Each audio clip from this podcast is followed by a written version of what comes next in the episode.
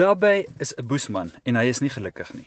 In die boek van Lawrence van der Post, The Heart of the Hunter, wat in 1961 uitgekom het, is daar 'n gesprek tussen Daarbey, 'n boesman wat hy in die ou ehm um, Botswana ontmoet het en saam met hom geneem het om as tolk op te tree wanneer hy met ander boesman groepe gepraat het en ontmoet het. Hierdie boek is die tweede boek in 'n reeks wat hy geskryf het nadat hy die boesman kultuur en die boesman uh per se um bestudeer het. In die eerste boek um het hy uh, saam met hulle gewoon en hulle het 'n TV-reeks daarvan gemaak en in die tweede boek gaan 'n bietjie aan en soos ek sê, daarbey is nie gelukkig nie, want hy sê almal en alles is teen die boesman. Hulle kan doen wat hulle wil, hulle trek altyd aan die kortste end. So ek val in net so 'n stukkie hier um aan die einde van die gesprek want dit is baie interessant hoe hulle sienings is, die boesman mense. Finally, Dabe went somberly, somberly on. There was another thing.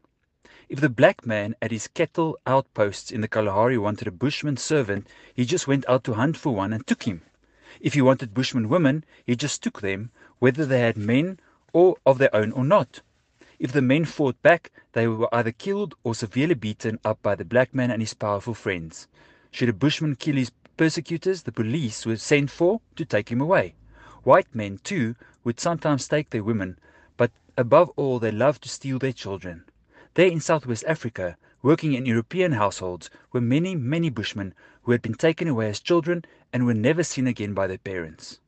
Even he sitting there beside me, he beat his chest with a clenched hand, was afraid of what would happen to him in this white man's land to which I was taking him. What would the white man do to him when suddenly they saw his old Bushman face, alone among them? This was an old fear of his. We had had to have it out right in the beginning before I could reassure him that I would protect him and, and persuade him to come. But it all went far beyond fear.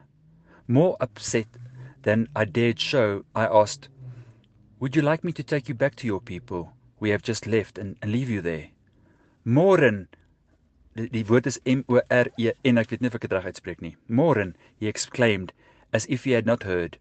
I repeated my question and added, I am willing to stop and turn right round here and now.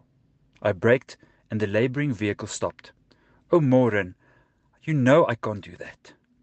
He shook his head and looked at me reproachfully as if I had been unexpectedly cruel.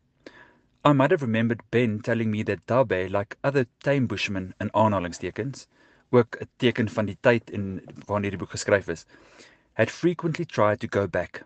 Every now and then they found life unendurable in the rags and tatters civilization sprawled around the few permanent waters on the vast fringe of the Kalahari.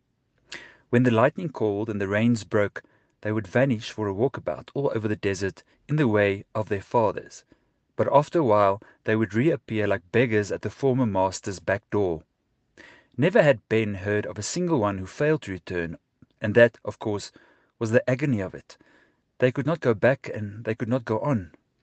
Looking in Dabe's eyes, I saw a soul in hell. For hell is the spirit prevented from going on. It is time arrested in the nothingness between the two states of being. Moren, can't you do something? he asked suddenly like a child. Of course, I will do all I can help, Dabe. I have been thinking for a long time what I can do to help your people, I replied. But I was compelled to add, Whatever I do, you must not expect too much. What would you like me to try to do? You could speak to the government, he answered simply, a flicker of hope behind his eyes. Do you know what the government is? I asked, surprised to hear for the first time so big a word in impeccable Afrikaans and a rather portentous tone on his lips. Of course I know perfectly well who the government is, he corrected me deftly indignant that I appeared to think him so ignorant.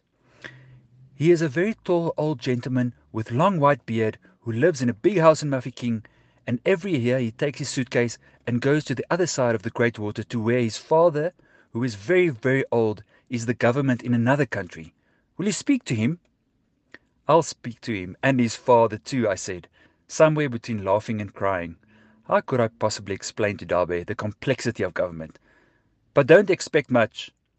Just you speak to him, Dabe answered, and with the certainty that I would, he recovered some of his former gaiety and interest in the world. I myself could not throw off the thought of what awaited him when the expedition was over and he must return to a life in which he was no longer accepted as an individual in his own right.